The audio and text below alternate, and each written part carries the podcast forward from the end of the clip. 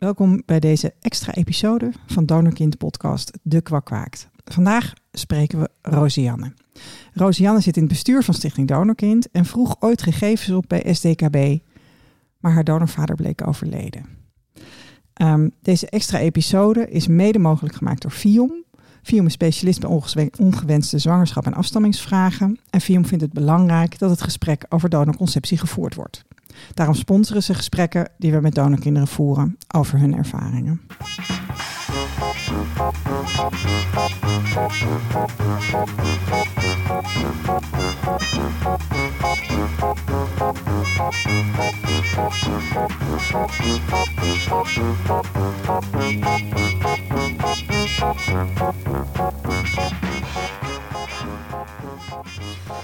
En dan beginnen we met een, eh, met een beetje een ordinaire vraag. En ook niet, het is eigenlijk ook niet een hele inclusieve vraag. Dus je mag me gewoon voor mijn kop slaan. maar uh, wie is je vader, wie is je moeder? Hij is van Tante S, hè, van Jurgen ja, Rijman. Ja, ik ken hem, ik ken hem. En uh, je mag hem net zo, uh, net zo verbouwen als, uh, als nodig is, Rosianne. Nou ja, dan begin ik met ik, wie is mijn moeder en wie is mijn moeder? want dat is de basis. En dat is Tien en Pleun. Dat zijn mijn ouders. En later kwam ik erachter dat mijn vader, die heet Johan. Kijk. Dus dat, dat, dat Tien is dan... en Pleun en Johan. Ja. Ja, even laat, ik laat ze even bezinken. Ja, goed. Hey, en jij, jij bent dus een kind van twee moeders. Dat klopt. Betekent dat dat jij dan altijd geweten hebt dat er ergens een zaadje vandaan moest zijn gekomen? Ja, ja het, het, zover, zolang ik mij kan herinneren, weet ik dat dat nodig is. Ja. Ook omdat iedereen had een papa. Dus waarom had ik geen papa? Jij stelde daar vragen over. Ja, en toen, en toen wilde ik ook een papa, maar meer omdat iedereen een papa had. Niet omdat dat heel erg. Nee, het was gewoon meer. Iedereen heeft een fiets, ik wil een fiets, dus ik wil ook een papa. Ja, natuurlijk. Ieder kind, ieder kind wil ja. gewoon. Niemand wil anders zijn, toch? Nee, dan de rest. En, uh, dus, uh, maar dat was wel, uh, was wel duidelijk. En uh, toen had ik ook, uh, ging ik bij mijn ooms op bezoek. Die waren even leenpapa. En dat was één keer leuk. En toen was het oké, okay, ik weet nu hoe het is om een papa te, te hebben. En dan was het weer goed. ja. Hey, van, van wel, waar, waar en wanneer ben je gemaakt? Dat vinden, dat vinden onze luisteraars altijd fijn. Heel uh, belangrijk om te weten. Ik uh, kom uit oktober 91. Dus dan ben ik volgens mij in januari 91 gemaakt. In Leiden. In nu Medisch Centrum Kinderwens. Oké. Okay.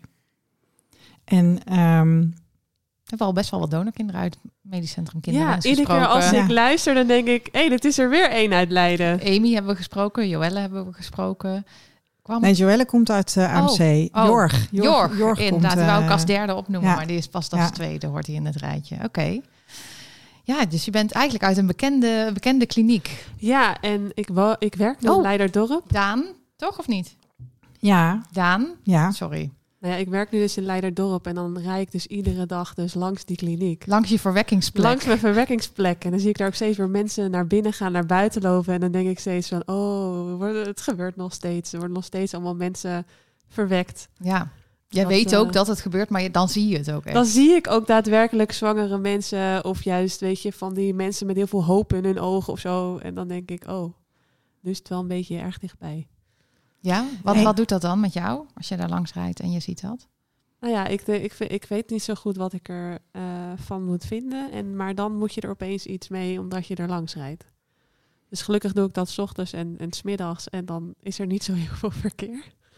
Maar uh, ja, ik, uh, het zorgt ook wel voor me, als ik op mijn werk, dan zeg ik ja, nou ja, als je uit het raam kijkt, daar, daar ben ik een soort van verwekt. En dan -huh. wordt, maakt het iets dichterbij.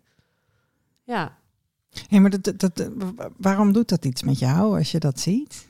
Wat nou is ja, dat? Omdat ik gewoon, uh, omdat ik gewoon, ik denk dat als je in een kliniek gaat, dan hoop ik dat je het volgens de regeltjes doet. En dus met een bekende donor en dat het allemaal oké okay is en dat je daadwerkelijk met je kind in gesprek gaat. Maar ja, vroeger was het natuurlijk anders. En dat zit natuurlijk ook wel een beetje in me. En net zoals al die verhalen die je hoort over Deenszaad en ik ga het niet vertellen of weet ik. En dan denk ik, ja, ik hoop zo dat deze mensen, omdat ze bij die kliniek naar binnen gaan, dat ze dat dan allemaal wel gaan doen. Ja. En dat is hetgene wat me raakt. Dat ja. ik denk, ja, het gebeurt nog steeds. Oké, okay, mensen hebben kinderwens, maar alsjeblieft, doe dat dan goed. En dan hoop ik dat met die kliniek, dat als, ze, als ik ze dan zie lopen, dan hoop ik dat ze het ook ja, goed gaan doen in de openheid. Mm en wat, wat, wat, wat is in jouw ogen dan goed? Wat vind je belangrijk? Dat het kind gewoon weet waar het vandaan komt. En vanaf het begin gewoon al. Ja. Want uh, het kind boeit het niet. Dus uh, laat gewoon even open zijn hoe het allemaal zit. En dan is het oké en dan ga je gewoon weer verder. Ja, met boeit het niet, dan bedoel je van kinderen nemen dingen gewoon zoals ze komen. Ja, het is gewoon zo. Het, het boeit het niet dat ze echt heel veel anders zijn. En, en ja, uh, en wat is anders? Het is gewoon zo. Oké, en dan ga je gewoon weer verder. Maar als je later, als je uh, gelukkig heb ik dat nooit meegemaakt, maar ik hoor het vaak genoeg hier in de podcast. Maar als je het later te horen krijgt, ja, dat geeft zoveel impact. -hmm. dat, uh, dat wil je ook gewoon niet. Nee. Hey, en, en begrijp ik dan goed dat jij eigenlijk um, uh, geen last hebt gehad van het feit dat die, dat die man dus niet in beeld was, zeg maar. Dat je... Nee, want ik had gewoon twee ouders. Ja. En die uh, waren allebei uh, verschillend genoeg om alle dingen die een vader of een moeder of zo allemaal hoorden te doen volgens het boekje allemaal te doen. Nou, dus ze hebben jou een veilige omgeving geboden. Ja, dus uh, ja, ik heb een ouder nooit gemist. Nee. Nee. En, en um, wanneer, want uiteindelijk ben je gaan zoeken, hè? want Esther zei al even in, het, in de intro van, hey, jij ging contact opnemen met de SDKB. Ja, dat is een beetje in, uh, in fases gegaan. Ik heb uh, toen ik, uh, mijn ouders zeiden altijd, als je 18 bent mag je het weten. Niet 16, maar 18. En, dus Om, ik, of omdat ze dat echt dachten? Of omdat... ja, omdat ze dat echt dachten. Oh, ja. Ze zijn niet zo, diegene die dat dacht, die is niet zo heel erg sterk met jaartallen. dus dat was, die had gewoon onthouden 18. Want zij hadden een, een bekende donor gebruikt. Nee, anoniem. Maar die zeiden van dan mag je wat gegevens opvragen. Okay. Hoe groot die is en wat voor kleur ogen. Ja, want die, die kliniek die had dan wel een administratie. En dan mocht je uit die administratie mocht je een paspoort of zo, een donorpaspoort. Ik heb geen idee. Ze zei gewoon, ik ga dat voor je doen. Zo, oké, dat is goed. Dus uh, toen heeft ze letterlijk die kliniek uh, is toen gemaild. En dan heb ik het over uh, Pleun heeft dat gedaan. En die kreeg toen netjes een, een, mailtje terug van ja, daar gaan wij niet over. Dat is STKW. Maar alsjeblieft, kreeg het ook mee. En dat, uh, maar daarbij ook, ja, hij wil geen contact. Dacht ik, oh, maar dat vroeg ik helemaal niet. En je was toen dus ook 18? Ik was toen 18. En uh, toen kreeg ik uh, dat hij blauwe ogen had. en dan donkerblond stijl haar. En hij was 1,75 of zo. En toen dacht ik, oké. Okay. En alle vragen... Spitting image, dacht je toen. Ja, nou... Herken ik ja. me heel erg in. Ja, ja. en alle vragen over wat, wie je bent, had hij allemaal niet ingevuld. Toen okay. dacht ik, oh, nou, dit is het dan. En, uh, en er werd meteen bijgezegd van hij wil geen contact. Ja. Wat dan, wat dan, even los van of je dat wel of niet wil, daar had je niet om gevraagd. Dat is eigenlijk ik dacht dus van een, niet. Ik dacht ook niet dat dat kon. Weet je, nee. ik had zoiets van, oh, kon, niet, kan dat nee. dan? Nee. Oh, uh, ik wist niet nog ineens dat dat een vraag was. Ik, ik wist alleen, je kan dan wat gegevens krijgen hoe die eruit ziet. En Ja. dat is het dan ook. Weet je, dat is altijd gezegd van, ja, ja. En dat is het dan. En uh, ontmoeten of zo, nee, daar, daar hebben we het niet over. En die gegevens kwamen van de kliniek. Ja. ja. ja. Maar, uh, en was je al eerder nieuwsgierig of kreeg je het meer op je 18e omdat je een moeder had gezegd, uh, ik ga dat trouwens voor jou regelen? Of had je zelf ook behoefte aan? Ik ben altijd een heel nieuwsgierig persoon geweest. Ik wil altijd alles weten. Uh, ik wilde vroeger ook wetenschapper worden, omdat ik gewoon, ik wil alles weten, alles uitzoeken, onderzoeken. Dus ja, dat is weer extra informatie. Die wil ik wel hebben. Maar het is niet zo dat het een moeten was. als meer van, oh, dan heb ik weer extra informatie. Het is uh, leuk. Een puzzelstukje. Een puzzelstukje. En daarna was het wel duidelijk van, oké, okay, hier blijft het dan bij. Ja. Nou, prima. Gaan we weer verder met je leven. Je bent 18. Ik was er niet zo. Ik was druk bezig met heel veel andere dingen. Ja. En wat was dan het volgende moment dat jij daar weer... Nou ja, toen ging ik uh, trouwen. En dan krijg je dus het, uh, het klassieke, weet je wat, dit zijn je ouders. En dan ga je met z'n allen op de foto. En dan ga je nadenken, nou ja, we willen wel kinderen.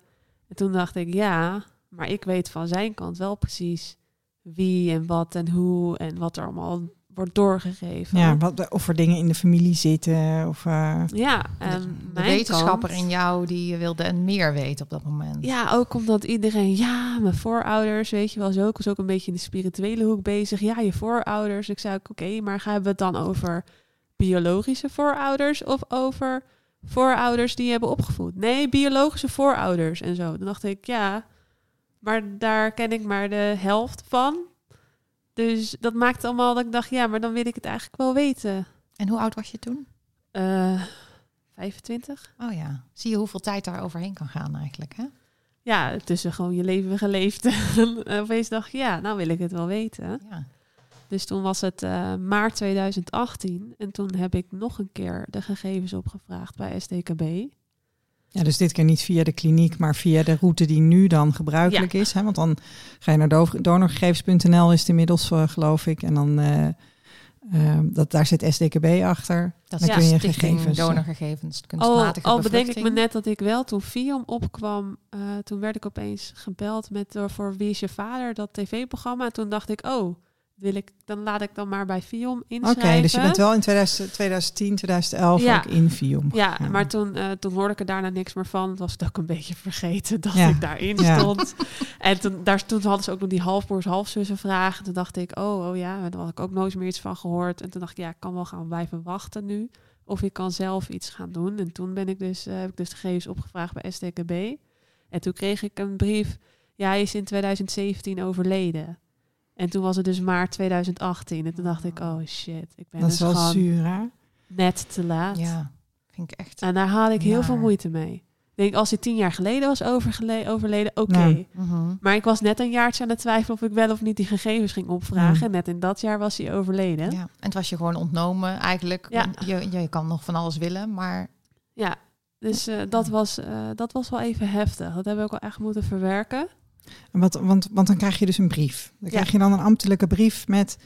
Ja, ik heb hem bij me. We kunnen hem zo wel eh, eh, Oh, lezen. goed. Maar dat is wel, was wel echt een, ja, echt zo'n brief van, ja, hij is overleden. Zou, zou, je, zou, je, Ja. zou je willen... Ja, ik, eh, ik heb een map voor de luisteraars. Ik heb een map. Eh, ik weet niet hoe ik eraan kom, maar ik vind hem echt heel lelijk. Hij is namelijk met eh, een soort van si- eh, ehm, het, ananassen erop. Mhm. Ehm, maar goed, weet je, dat is dus mijn map geworden. Daar heb ik al mijn stukken in die over, eh, eh, eh, ja, over het zijn van donorkind eh, gaan. Het is niet een heel dikke Nee. map hoor. Bij je. Roosje- Roosjan heeft niet een hele dikke... Nee, ik heb Je bijvoorbeeld... hebt geen, Al geen doos. Je hebt niet, ja, precies, je hebt niet zo'n kar met ordners hier naar binnen geduwd. Nee, ik heb bijvoorbeeld de, de, de brief over dat mijn, mijn moeder dus had opgevraagd bij de kliniek. Die zit erin ja, uit 2008. En eh, dit is dan, even kijken. Ehm, oh, dit, oh nee, ik kreeg er wel nog van het STKB, kreeg ik wel nog een brief erbij. Zie je, ik hou gewoon dingen door elkaar. Oh ja, ik heb hem hier. Eh, geachte mevrouw Aukes, beste Roseanne. Eh, in februari 2018 hebben wij uw aanvraag om fysieke, sociale en persoonsidentificerende donorgegevens ontvangen. Middels deze brief willen wij u informeren dat de donor tot onze spijt in 2017 is overleden. Wij mogen daarom geen persoonsidentificerende gegevens verstrekken. Wij wensen u sterkte met het verwerken van ons helaas niet positieve bericht. Om bovenstaande reden moeten wij uw aanvraag helaas afwijzen. Bijgesloten treft u wel een paar fysieke en sociale gegevens van de donor aan. Als u behoefte hebt aan begeleiding, kunt u contact opnemen met Vion. Voor vragen kunt u contact opnemen met vriendelijke groet het bestuur. Dat was het. Ondertekend door Ferdi Haartsen. Hè? Die was toen nog... eh, Ja, die was dan de secretaris. Dat is hij nog eh, steeds. ja, dat is hij nog steeds. Dat is hij nog eh, steeds. Ja. Ja, nou, dat was het dan, dacht Ja. ik. En, was, En, en toen, eh, wat heb je gedaan? Want je zei van, dit maakt je natuurlijk verdrietig. Ja, nou ja, ten eerste heb ik dit donorpaspoort vergeleken met het donorpaspoort dat ik dus tien jaar eerder had Ja. En er was één groot verschil, want in dit donorpaspoort stond dat hij nog een zoon had. En dat stond in dat andere donorpaspoort niet. oh, Dus toen dacht ik opeens, hé, hey, ik ben niet de oudste. Er loopt dus nog iemand rond. maar er stond wel donkerblond stijl, haar en blauwe ogen. De rest was De rest allemaal... Ja. nog. De rest klopte, alleen hier stond nog een stukje onder met sociale gegevens van de donor ten tijde van de intake. En die stond dus niet Nee, bij die andere. ook raar. Want ehm, Leiden, in Leiden hebben ze die intake gedaan. Ja, Dus die hebben die gegevens ook gehad. Maar die hebben dat dus niet meteen gedeeld. En nu kreeg je dat wel. ja, en daar stond dus ook zijn eh, beroep en hoe oud hij toen was. En dat hij dus een jongen had. Ach, en zoon. Ja, Hey, en, En en- welk beroep? ja, Toch? ja. nou, Wetenschapper. Wetenschapper, denk ik. applicatieprogrammeur. Oh ja, dat is bijna een wetenschapper. Ja, ik, ik kon me er wel in vinden. Dat Ja. ik dacht, oh, oké. Wat lekker. Ja, precies. Wat goed. Ja. Maar ja, ik ben niet iemand die dan denkt, eh, ik laat me erbij zitten. Dus ik heb eh Nee, STKW opgebeld. zo kennen we jou niet. Ik, eh, ze, ik heb toen STKW opgebeld en gevraagd, ja, leuk dat die is overleden. Maar ehm, er is ook nog familie. Ja. En jullie weten wie het is. Dus mag, mag ik, kunnen jullie contact opnemen met de familie met de vraag of zij misschien contact met mij willen. Dus Ja. gewoon echt puur en alleen vragen of zij contact met Ja. mij willen. Nee, ik hoef precies, geen niks, niks, eh, geen enge AVG-dingen of Nee, zo. gewoon Nee. alleen maar Heel eh, makkelijke gewoon- vraag. ja. Eén telefoontje. Hoi. Jullie hebben de, weet je, ik zag het helemaal voor me dat ze dan zo'n één zo'n naam alleen maar op dat scherm hadden staan, weet je wel, zo knipperend, zo tuut, tuut, tuut. En dan eh, daarbij van, nou ja, dit is- zijn dan de familieleden. Maar toen kreeg ik terug, eh, nee, dat eh, doen wij niet. Want wie weet weten zij niet dat hij heeft gedoneerd. Mhm. Dan komen we weer in de woe. Ja. Jij bent zo'n donorkind wat levens overhoop gooit, Ja. Ja, en dan haal je misschien al hun levens Dat je durfde te vragen. Ja, en ik zeg, ja, dat maakt mij wat uit. Oh, heel goed. Ik Oh, ja. Wat een goed antwoord. Nou ook. ja, ik zei het niet op die manier, maar ik was heel netjes. Ik zeg ja, maar ehm, kunt u dan toch niet alsnog even eh, dat nagaan? Nee, nee, dat kan niet. Maar ik begrijp hoe u zich voelt. Ik zeg dat begrijpt u helemaal niet. Nou, dat ging dat wel eens niet. Een spelletje ging dus een paar minuten door. En toen ben ik zo boos geworden dat ik echt gewoon huilend aan die telefoon heb gezeten. Ik zeg, tenzij u zelf donorkind bent, begrijpt u helemaal niet wat u nu aan het doen bent en wat u, weet je, wat u nu allemaal gebeurt. En ik zei, en ik ga hem vinden ook. En u kunt mij nu zoveel energie, moeite en emoties besparen door het gewoon aan mij te geven. Ja. Ehm, maar dat weigert u. Dus nee, één, u weet niet hoe u zich voelt. En twee, ik ga hem vinden ook. En toen heb ik gewoon opgehangen, heel boos. En ik dacht, als ik echt gewoon fysiek, dan had ik diegene over de toonbank heen gesleurd. En gewoon, ik was zo boos. Nou, ik kan me voorstellen, als iemand inderdaad zegt van ik weet hoe je je voelt. En Ja. dat denk ik, ja, dat dat moeten is... mensen ook echt niet zeggen. Nee, de- de- misschien is dat zo'n communicatietruc ding. Maar ik denk, ja, sorry, maar dat moet je alleen maar zeggen als je daadwerkelijk weet hoe iemand zich voelt. Ja, was de verkeerde communicatiecursus, Zo, denk ik. ik hoop echt dat ze Ja. dit telefoontje hebben gebruikt voor eh, leerdoeleinden, Ja, wat je ja, altijd inderdaad. hoort. dat, het- dat het opgenomen was. ja, ik hoop dat zo Voor erg. trainingsdoeleinden. Voor trainings- ja, ja, ja, dat. zeggen ze altijd. Hè? Ja, Ik vind het ook meteen leuk om te horen dat jij zo, want eh, heel veel donorkinderen zijn dan toch altijd heel netjes en bescheiden, weet je wel. Want we hebben natuurlijk geleerd van hè, dat we eigenlijk geen positie hebben. Die man die zit niet op jou te wachten. Dat Ja. en eh, heerlijk dat jij gewoon eh, ik ben uit je schop opgevoed, sloot. ja, ik ben opgevoed door twee feministen die vonden dat ik ook moest demonstreren. En toen ik naar mijn eerste demonstratie ging, hebben ze een soort van geapplaudiseerd dat ik ook eindelijk een keertje activistisch was. Dus ja, En, en zijn ze dan ook supportive omdat jij bent? Nou, bij Stichting Donorkind ben je ook een soort activist, toch? Ja, nee, het, ze, sowieso precies van ieder heeft zijn eigen leven. Dus eh, het is, ze, ze zijn heel trots op wie ik ben. En ook tijdens mijn zoektocht, ik ben hierna, na dit nieuws, ben ik naar mijn ouders toegegaan. Ik zeg, joh, ik wil toch wel ach, weten wie het is. En ik ga dat gewoon doen. Ja. Dat, dat was gewoon, het was geen vraag of, maar ik zeg, ik ga dat gewoon doen. En ik En want, je, heb, want eh, je wist al van de mogelijkheden op dat moment. nou, ik heb toen, toen het, dus daarom heb ik Esther leren kennen. Want ik was een beetje aan het surfen. Denk, ah ja, toen kwam ik Stichting Donorkind tegen. Denk, hey, dit is een club, daar, daar moet ik wezen. Toen heeft Esther volgens mij ook eh, gezegd van ja, dan moet je nog bij eh, Family Tree DNA en dan DNA-databank en dat alles. En eh daar met dat verhaal ben ik naar mijn ouders toe gegaan. Ik zeg, ik ga dit gewoon doen. En toen ook naar Ik mijn word helemaal blij van jouw overtuiging daarin. Ja, zo ik- heerlijk. En dus ook me, ik zeg, joh, eh, het is fijn als je me zou willen helpen met jouw DNA, want dan kan Ja. ik dat uitsluiten. Het scheelt een hoop werk als je moeder inderdaad gewoon meetest. Ja, nou ja, daar heeft ze even over na moeten denken. Meer omdat haar DNA in de databank zat, niet omdat ze me Ja. niet wilde helpen. Ja. Maar, Mhm. en eh, toen zei ze ook van ja, ik hoef helemaal niet te weten wie dat is. Ik hoef ook helemaal niks met die, met die hele kant. Maar het is jouw, jouw zoektocht, jouw leven. Dus voor jou doe ik alles eigenlijk. Ja. En toen heeft ze ook haar DNA ingestuurd. Ik, heb, eh, ik beheerde alles, nog steeds eigenlijk, maar we kijken er nooit meer naar. Nee, je checkt niet of er nog eh, broertjes en zusjes bij Ik komen. vergeet het gewoon in mijn dagelijks leven. En dan je hebt wel ik, geüpload naar MyHeritage. en, Ja, eh, naar mijn hamsters. Ik heb ook bij Ancestry. En ik denk, ze, ik heb zo'n zo'n opvallende naam. Als ze me willen vinden, vinden ze me ook Ja. wel. Weet je, Ja. dat is dan in dit opzicht. Ik heb zo, zo nu bezig met andere dingen dat ik denk, als zij mij willen vinden, dan vinden ze me wel. Het is even goed. Ja. Mhm. Maar ja, toen heb ik alles ingestuurd en eh, toen ben ik ook gaan zitten met mijn ouders van, goh, eh, wat vinden jullie hier nou eigenlijk van? En eh, toen, Was dat nog spannend voor jou? Of- nou ja, ik, het is ook een, zij waren bang dat ik met dit een oordeel zou geven over hoe zij mij gemaakt hebben. En ik Mhm. zeg, nou ja, toen der tijd was dit heel normaal. Dus jullie zijn gewoon meegegaan met de tijd. Jullie hebben gedaan wat er toen oké was. Jullie hebben het altijd aan mij verteld. Dus nee, ik ga jullie ni- ni- niks verwijten. Maar als jullie op dit moment nu hetzelfde zouden doen, ja, nee, dan kom ik met verwijten Met de aan. wetenschap van nu. met de wetenschap van nu. Ja. Voor een anonieme donor kiezen bedoel jij dan? ja, voor een anonieme donor kiezen. En toen eh, was nog net niet de optie van een B-donor er? Of die bestond in...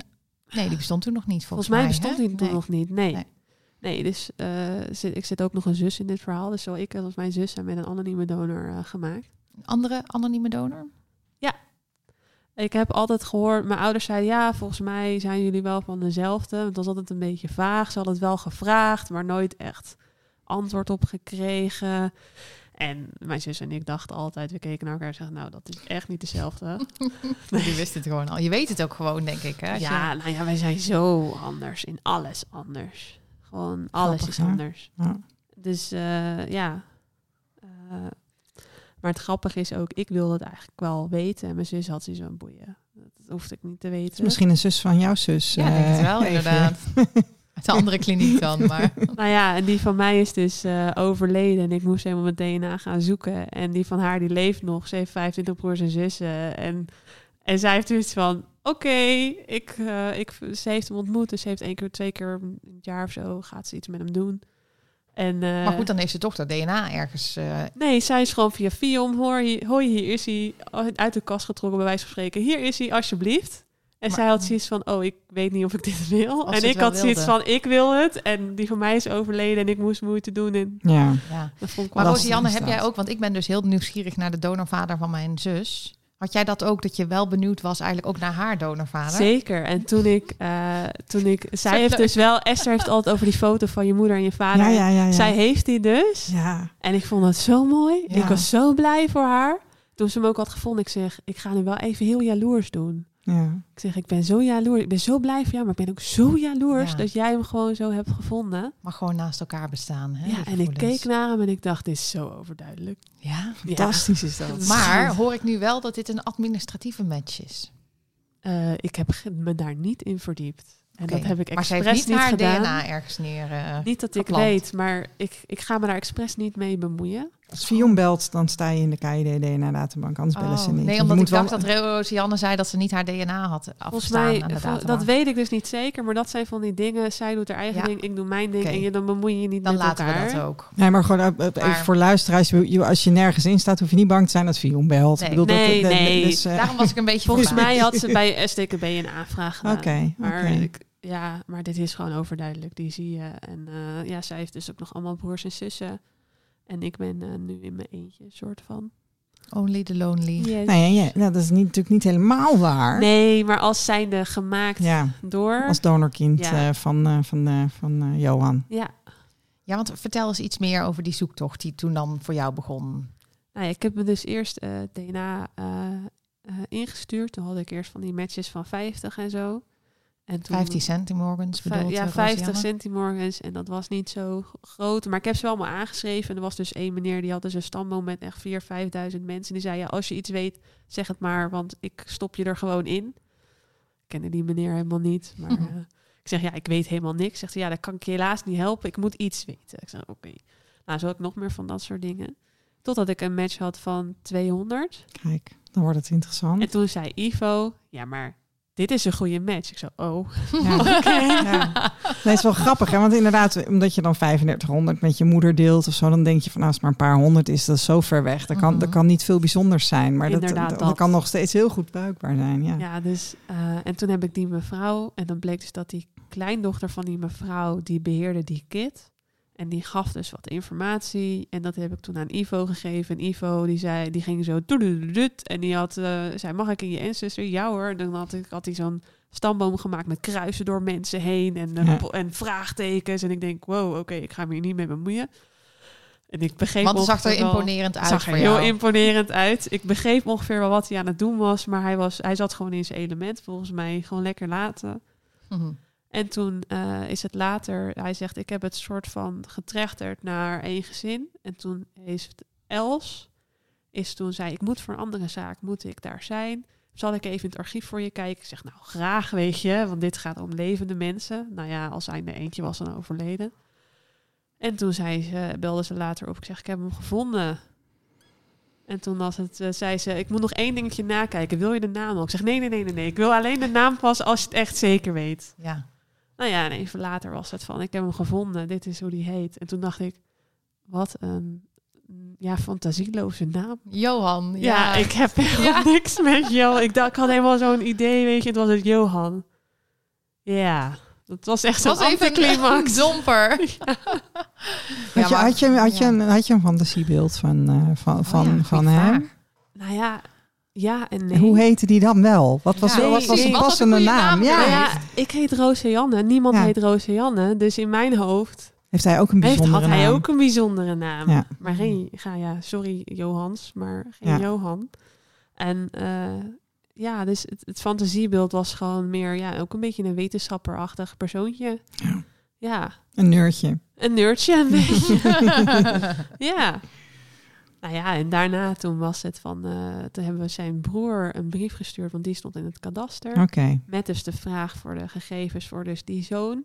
En toen even later kreeg ik dus een mailtje van die zoon. Dus mijn halfbroer. Dat ik echt zoiets van, oh my god. Ik heb net al drie Wat ongelooflijk gehad spannend, gesprek Ja. gewoon. Ja, En maar toen- want, want dat bedoelt, ja, wat we nu allemaal natuurlijk willen weten is van, stond, wist hij dat Ja. zijn vader donor was geweest en staat hij open voor contact? Hij zei, iedereen wist dat mijn vader donor was geweest. Ik ben zelfs mee geweest toen hij ging doneren. Nee, dat was, is wel weer een heel uitzonderlijk verhaal. Ja. dat heb ik nog niet eerder nou ja, gehoord. dat is dus, mijn donorvader was een beetje apart in de positieve zin. Ja, En eh, dus ik hou daar wel van. Maar past eh, wel bij jou. past wel bij mij. Jouw donorvader Ja. kon er ook niks aan doen dat zijn ouders hem Johan hadden genoemd. Nee, dat klopt. Nee, en eh, hij zei van ja, ik sta, eigenlijk, ik sta wel open voor contact. Ik vind het eigenlijk wel heel leuk. En dan gelijk al foto's van hem en foto's van zijn gezin en alles. En ik had echt zoiets van wow, dit is wel echt heel gaaf. En een foto van Johan? Nog niet. Oh. Maar dat, dat vond ik ook helemaal prima. Want het ging nu alleen even over dat, dat de levende mensen even elkaar Ja. gingen aftasten. Ja. En dat ze ook gewoon, oh, dat hij dus open staat voor Ja. jou. En dat je, je mag Ja. er dus zijn. Dat lijkt me hartstikke fijn. En ik had zoiets van, Johan is dood en die blijft wel dood. Ik denk het heel lullig, maar ik denk, ja, daar kunnen we altijd nog wel even over praten. We gaan eerst even de levende mensen, Ja, dus ik daarna foto sturen, weet je. En een beetje dan je, eh, ja, een beetje vertellen over wie jij dan bent. En het was eigenlijk vrij snel, willen we elkaar wel ontmoeten? Ik zeg, nou, ik wil dat wel. Hij zei, ben, ga ik niet te snel? Ik zeg, nee hoor, voor mij ga je niet te snel. hey, want jij komt uit de eh, omgeving van Haarlem. Ja, En, en, en komt hij uit de omgeving van... eh, Eindhoven. oh, Oh. oké, oké, oké. Ja, die hele familie die is een soort van naar beneden. En de familie die ik dus nog heb, die zit in België. Dus ze gaan nog verder. En ik hoop niet dat ze nog verder gaan, want eindigen in, in Frankrijk. Maar ze zitten nu dus in eh, België, Eindhoven, België. Oké, Ja, oké. En jij zei, hij zei van eh, ga ik niet te snel, maar wa- waar moet ik dan aan denken? Jullie hadden gemaild en de volgende dag ga je afspreken? Of? nou ja, hij, de volgende mailtje was, zullen we afspreken? Oh ja. En ik vond dat... Wat heerlijk. Hij was dus, dus gewoon een mens. Ik vond, was dus ook gewoon nieuwsgierig naar jou. Ja, hij was heel nieuwsgierig Ja. naar mij. Dus dan, eh, wij zijn toen naar zijn huis toe gegaan, want hij had ook kinderen en zo. En die waren wel klein. En ik dacht, nou ja, prima, dan kom ik naar jouw huis toe. En we zagen elkaar was gelijk eh, knuffelen. En gelijk helemaal van, oh my god, ik herken zoveel. Oh, en dan weer, weet je wel, alsof je dan even kijken en dan weer knuffelen. Ja. En dan weer Ja. kijken en dan weer knuffelen. En dan, oh ja, dit is mijn, mijn, eh, mijn vriendin. Oh ja, hoi, maar...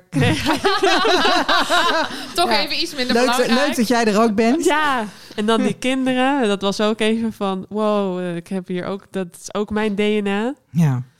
Ja, en ik had al gehoord dat ze van spelletjes hielden. En ik hou ook van spelletjes, dus ik had ook een spelletje meegenomen. En dat brak ook wel gelijk het ijs. Dus eh, ja, dat was echt heel mooi. En toen was het daarna even van, ja, en toen lieten we iedereen achter. En dan gingen we, hij heeft een, had toen een joert in zijn tuin. Dan gingen we daar foto's kijken van Johan en verhalen ophalen. En een beetje echt over wie ben jij dan Ja. praten. En dat was wel heel mooi. Heb je, en toen, toen heb je voor het eerst ook foto's gezien Ja. van Johan. En toen dacht ik, was ook een anticlimax. Ja, nou ja, het is gewoon meer, je weet niet wat je moet verwachten. En als je het dan Nee. eenmaal ziet, dan is het van oké, dus nu, is het, nu heb ik een antwoord. Ja.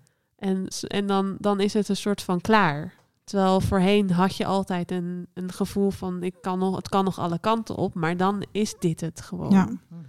En dat betekent, bedoel ik niet negatief, Nee, maar, maar het is dan? gewoon een gevoel. Ja. Ja.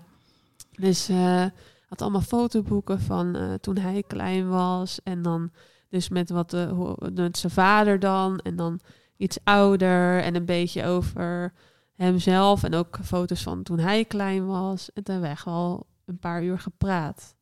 Van, eh, en, een paar, en elkaar wel wat beter leren kennen. Ja, en het klikte gewoon gelijk heel goed. gaaf. Ja, Wat leuk. Dus dat is gewoon je broer dan. dat is gewoon mijn broer, ja. Al vergeet ik hem wel. Als mensen zeggen, heb je broers en zussen, dan vergeet ik hem. En dat Ja? is gewoon meer omdat ik denk in gezin. En dan, Waar ben je oh mee ja, opgegroeid? Ja. Ja. ja, en dan, eh, sorry, maar ja, ik vergeet hem dan. En dan, ik heb ook niet aan hem gevraagd of hij zegt of hij een zus heeft. Maar dat is ook helemaal aan hem, denk ik dan. Want jullie kennen elkaar nu dan Vier jaar. vier jaar alweer. Ja, 2018 en nu is 2022. Ja. Ja, En nou ben ik dus benieuwd, want jij hebt een heel uitzonderlijke naam. Maar toen zat ik te denken, nou misschien heeft Johan zijn kind ook gewoon een heel uitzonderlijke naam gegeven. Ja, ik heb niet met mijn broer overlegd of ik zijn naam mag geven. Maar het is gewoon een Hollandse naam. Ja, het is geen uitzonderlijke naam. Nee, het is geen uitzonderlijke naam. Nee, nee. Dus ja, en toen had ik daar ook nog een hele familie bij, want mijn vader heeft vijf broers en zussen. En die leven En die nog. leven allemaal nog. En toen heeft dus mijn broer heeft dus gevraagd, eh, die heeft dus een mail gestuurd naar zijn oma en al zijn ooms en tantes van, Want de moeder van Johan die leeft ook, nog, met, eh, hoi, dit is Roosjanne. En eh, ze is aankomen waaien, willen jullie contact? Ja. En toen eh, drie van hen zeiden nee, dat wil ik niet. En twee zeiden ja, dat wil ik wel. En eh, dus mijn bio-oma die zei ja, dat wil ik ook wel. Dus ik heb eh, contact met dus eh, een, een bio-tante, bio-oom en een bio-oma. Hey, en, want hij is dus jong overleden. Ja. Is dat iets, eh, iets had hij iets waar- waarvan het fijn is dat je weet dat hij dat, dat, hij dat had? Ja en nee, hij heeft het leven, alles uit het leven gehaald en is gewoon overleden aan dat eh, Aan het ja, leven? Aan het leven, om het zo maar te zeggen. Ja. Hard geleefd. Nou, hij heeft heel hard geleefd, ja. Dus eh, daar, haal, daar haal je wel dingen uit voor jezelf, maar eh, het is niet eh, ziektes of zo. Nee, geen erfelijke aandoening? Of, Nee, nee, Nee. oké. Hey, en dan ga je dus dan, dan, dan ga je dus een oom en een tante en je oma ontmoeten. Ja, ja. Nou, ik vind het dus raar om ze dus zo te noemen zonder Ja. bio ervoor. Maar dat is omdat ik, ik vind titels moet je ook een soort van verdienen. Ja. Klinkt heel raar, maar... Nou ja, dat is natuurlijk Nee. ook gewoon een positie Dus, die je. Die ja, je het is een positie. En ik had zoiets van, ja, maar ik heb ook al allemaal ooms en tantes. En dan ga je ook nadenken over je niet-biologische oom en tantes. En dan denk je, ja, moet ik nou gaan ranken of zo? En dan dacht ik, nee, dus het is gewoon bio. Dus Dat het doet, is, maar dat, eh, dat doet, het doet dus iets met je loyaliteit. Dat je deze mensen ontmoet en dat ze dus het eigenlijk niet, dit- ze verdienen niet automatisch hetzelfde etiketje als de mensen Nee, die er nee. altijd al waren. Ja, en dat is, ja, dat is misschien raar, maar dat is ook omdat ik gewoon ook, je kent zoveel verhalen van biologische familie die dan eh, ja, rare dingen doen of die dan, eh, waar je dan toch blij mee moet zijn, want het is wel familie. denk ik, ja, zo zit ik helemaal niet in elkaar. Nee. Maar ook omdat ik gewoon, ik heb heel veel vrienden en dat is ook een soort van familie. Ja, je hebt ook zelf gekozen familie, Ja, zeg maar. Ja. Dus dan vandaar dat ik dan denk van ja, alles moet wel een beetje een naam hebben. Maar ik merk dat ik inmiddels na vier jaar, eh, mijn, eh, het was wel grappig, want ik had laatst mijn verjaardag gevierd. Het waren mijn oom en tante uit België waren er. En toen kwam je mijn, bio-oma. mijn bio-oom en tante. bio-oom en tante. die- en ja. toen kwam dus mijn oom, mijn biologische oom, maar dan Ja. gewoon die er altijd al was. ja. En toen was het echt zo, oh ja, ik ben de oom van, van Roos en Janne. Ja. Oh ja, ik ook. Ja. Het was heel grappig. En iedereen was echt zo stil van... waarom kennen jullie elkaar dan niet? En daarna was het echt zo... Oh, ik ga weer verder. Ah. Ongemak. Heel erg veel ongemak. En ik Oh. moest echt keihard lachen gewoon van binnen. Want ja, het was corona dingen. Ja. Ik vier wel mijn verjaardag, maar dat heb ik gewoon heel lang niet gedaan. Dus het was echt een heel groot... Hoi. Maar dit is het dus, hè? Ik bedoel, het Dit is is dan het. dus ongemakkelijk. Maar dat is het dan even. Ja. Ja, dat... eh, Ik vond het gewoon echt heel grappig. ja. Jij had geen last van het ongemak. Nee, ik, ik, ga daar, ik vind dat juist wel leuk. Ik hou een beetje van leedvermaak. En dit was wel, dit was wel heel... ja, ik Oh, zag echt die vraagtekens, vooral bij die oom die, ik gewoon, die er gewoon altijd al is geweest, als het ware. Echt van, hè? Maar, Ja. hè? Hoezo ken ik jou niet? Hoezo ken ik jou niet? en ik had echt zoiets van, ja, weet je, hij weet er allemaal van. En, Ja. Ja, Als, eh, toch verbaasd. Nou ja, ja, ze hebben elkaar nooit ontmoet. En ik ga dan niet een mail sturen, ik heb een, eh, dit is mijn biofamilie. Ik denk, nee, die zien elkaar vanzelf wel. Ja. Wat ik wel heel belangrijk vond, was dat mijn broer mijn ouders en mijn zusje heel snel ontmoette. Gewoon zodat daar de gekkigheid ervan Ja. af was. Ja. Dat dat niet awkward is. Ja, dat het niet awkward is. En die hadden elkaar vrij snel ontmoet. En daarna was het ook klaar, was prima. En dan weet ik gewoon ja, want als jouw moeder ze- zei in eerste instantie van... ik wil daar verder niks van weten, maar ik doe dit voor jou. Ja, en toen zei ze ook, ik doe dit ook voor jou. Oh ja. Eh, ik zeg, ja, het- waarschijnlijk komen ze op verjaardagen en zo. En ik wil Ja. gewoon dat jullie niet raar om elkaar gaan doen. Je komt elkaar natuurlijk inderdaad toch tegen. Zeker. Heb je, heb je daar nog met, eh, met je moeders over gesproken hoe dat nu dan voor ze is? Want Nou, niet echt. ehm, maar eh, wel van ze zeggen, ja, ik heb niks met die kant van de familie. Het is niet mijn familie. Ik denk, ja, dat klopt ook. En voor de rest, het is het gewoon, het is wat het is eigenlijk. ja, En het is gewoon allemaal prima. want het is wel jouw familie. Ja, en dat zeggen ze ook van, het is jouw familie, je mag ermee doen wat je wil. Niet dat ik om toestemming hoef te vragen of zo, maar ze hebben zoiets van, eh, doe, leef lekker je leven. Eh, maar verwacht niet van ons dat wij daar naartoe gaan of allemaal, nee, nee, het is gewoon, het hoort bij jou. Ja. En jij hoort bij ons. En als het bij jou is, dan, dan, dan doet iedereen Ja. leuk mee. En eh, Ja, maar het is ook wel, ze zijn ook wel oprecht geïnteresseerd in Ja. als ze er zijn, maar voor hun, het hoeft geen plek in hun leven te hebben. En dat begrijp ik ook wel. Ik denk, ja, hetzelfde is eh, met de vader van mijn zus. Dat is de vader van mijn zus, maar het is, ik heb, ik ben niets van hem, dus hij hoeft geen plek in mijn leven, maar alsjeblieft, ga lekker met elkaar wandelen en zo. ja, en als je elkaar tegenkomt, dan, dan is het duidelijk wie, wat ieders plek is. Zeg Ja, maar. en dan vind ik het hartstikke leuk om verhalen te horen en alles, maar ja, ik hoef niet zelf Nee. naar. Dus zo zie ik het. En denk ik, ja. Als ik jou zo hoor, dan zit ik wel te denken van... doet dat dan nog iets met een familie? Dat, dat de, jullie kerngezin, zeg maar... eh, er zijn dus verschillende mensen die hebben nog familie buiten het gezin. Ja, dat, ehm, dat was wel even lastig. Iedereen moest wel weer even zijn plek vinden. Terwijl die plek nooit veranderd is. Maar je merkt dat iedereen zelf even ging schuifelen. Van, hé, hey, eh, moet ik ergens anders naartoe? Moet ik mijn stoel opgeven of zo? Terwijl ik dat helemaal niet voel. Eh, er waren ook geen extra stoelen of dingen. Nee, dit, dit is het gezin. En ik heb dan nog een broer. Maar dat is niet onderdeel van het gezin. Nee. Maar ja, je merkt wel dat ze even moest, zelf moesten kijken of zij nog een andere plek eh, hadden in mijn leven. En dat is misschien best wel heel spannend, hè? Als ze dat voelen van... of Ja. dat, eh, dat even moeten onderzoeken. Ja, terwijl ik vond dat helemaal niet spannend, want voor mij was, er geen was het niet anders. Nee. Nee, maar eh, ik heb ze gewoon gelaten en gewoon even dus hun e- eigen emoties door laten gaan. Ja. Ja. Dat is ook Ik denk dat dat vaak gebeurt, hè? dat donorkinderen denken van... oh, maar er komt gewoon iemand bij. En er is altijd ruimte voor iemand erbij. En, en, en dat ouders toch vaker een beetje ja, bang zijn voor hun positie dan. Van wat doet dat dan? Ja, nou ja, ze vroeg ook echt of ik een ouder ging zoeken. Ik zeg, nee joh, ik heb er genoeg. Wat op, ik heb twee moeders. Zeg je nee, eh, dan krijg je er twee. Weet je, dat zeg ik altijd. Mhm. Ik zeg, dat hoef ik helemaal niet. Ik ben ook gewoon volwassen. Maar ik wil wel gewoon weten, biologisch gezien, waar ik Ja. vandaan kom. Ja, en het is wel mooi dat je als je dan... Kijk, je weet van tevoren niet wat je vindt. En je weet ook Zeker. niet... Nou, bij jou is hij dan... Oh, Johan is overleden, maar voor, hetzelfde- voor hetzelfde geld vind je wel iemand die leeft. En dan is het ook de vraag van... Kun je met elkaar overweg en ga je inderdaad eh, één keer per jaar met iemand wandelen? Of, eh, of, of, of, of loop je bij elkaar de deur plat? Of alles ertussen, weet je wel? Ja, het- Ja. het- in principe is alles mogelijk, Nou toch? je, weet, je ook- weet het van tevoren niet. Ik merk ook dat ik eigenlijk veel meer contact wil dan dat mijn broer wil. Ja, En dat is dus ook een, een, een iets. En toen was ik ook, ik had een keer had ik iets meegemaakt en dacht ik, oh, je ging echt mijn zus voor opbellen. Zou, en toen dacht ik, moet ik hier nou ook hem voor gaan opbellen, omdat het mijn broer is? Weet je, omdat ja je. gewoon even uitzoeken ja, ik van, had, ik eh, had een, een, een rups gevonden of zo. Was iets mee. En toen dacht ik, nee, huh? maar het is wel mijn broer. Maar die titel heeft dus toch, huh? Toen had ik echt even met mezelf zo'n zo'n gevoel van, maar waarom bel ik? Nee, ik hoef hem helemaal niet op te bellen. Ik moet mijn zus opbellen.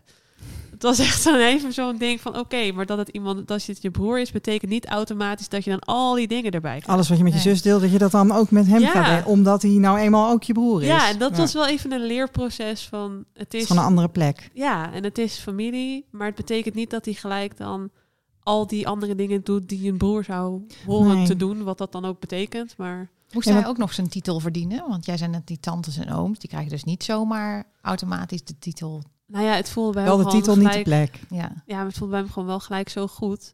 Maar het is dus wel, is er wel een groot verschil van dat ik eh, met mijn zus heb ik zussendag en zijn we echt allemaal, maar met mijn broer heb ik dat niet. Omdat ook hij is ook gewoon, hij wil ook niet zoveel contact als ik dat wil. Hij vindt het ook allemaal wel prima.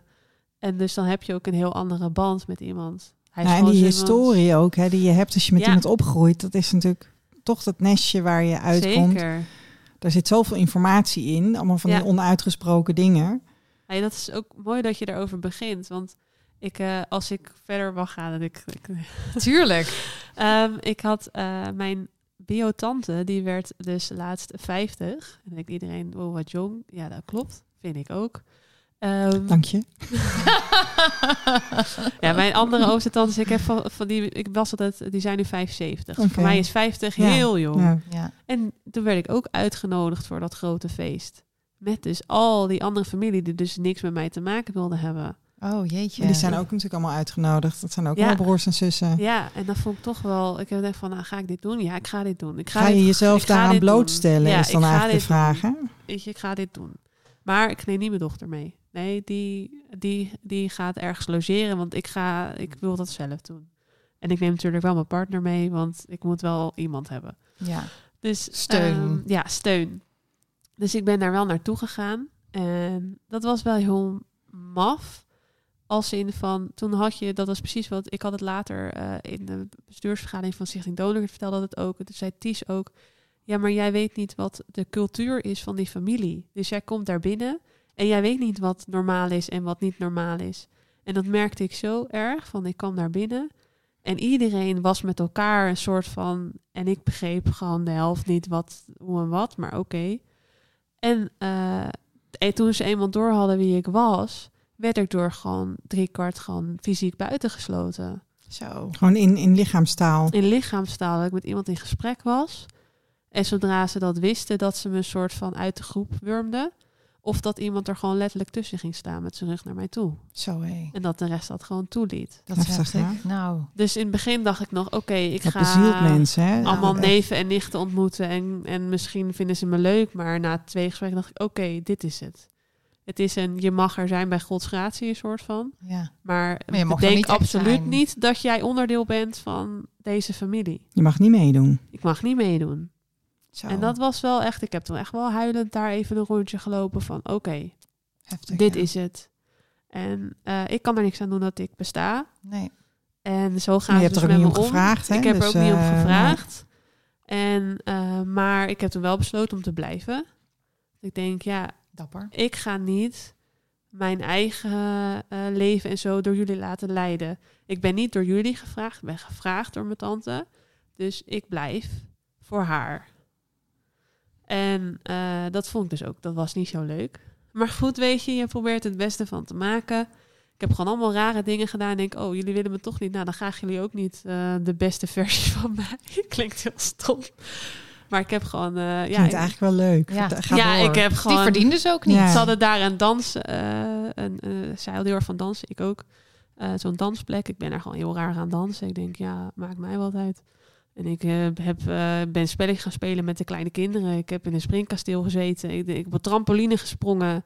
Ik denk, ja, weet je, Je bent gaan overleven. ik ben Ja. gewoon, ik denk, nou, dan gaan we gewoon de dingen doen die ik echt leuk vind. In Ja. plaats van met jullie praten, ga ik gewoon lekker op trampoline springen. Maakt mij wat uit. En dat was wel, eh, toen dacht ik ook, oké. Maar toen heb ik ook die ehm één oom ontmoet die echt heeft gezegd van, ik wil geen contact met jou. En die zei toen ook van, ja, want ik heb helemaal niks met jou. Ik denk, nou, oké, prima. Maar het gekke was dat hij, hij was de enige die het in mijn gezicht zei. En aan het einde van de dag zei hij tot ziens. En toen dacht ik, huh? Ja. Maar jij bent de enige, dat was wel de enige die het gewoon zei. De rest zei het allemaal niet. En, maar en wat, wat zei hij dan? Van, jij bent niks voor mij. Of ik heb niks ja, met ik heb jou. niks met jou. We hebben geen geschiedenis. Dus ja, nou. waarom zou ik contact met je moeten? En ik denk, nou, dat begrijp ik op zich wel hoor. Op zich is het prettiger, denk ik, als mensen dat zo Ja, zeggen, ik dan dat ze je de rug toekeren. Ja, ik denk van, kijk, aan jou heb ik ziens. wat. Ja. Want weet je, jij zegt het gewoon. Ja. En ik heb gewoon, ik ging, ik, eh, ik ben gewoon een beetje, ik heb niet al te lang met hem gepraat, maar gewoon een beetje van, ja, nou, ik ben dit, weet je. ik- Oké, nou, wat doe je? Ja, dit, oké.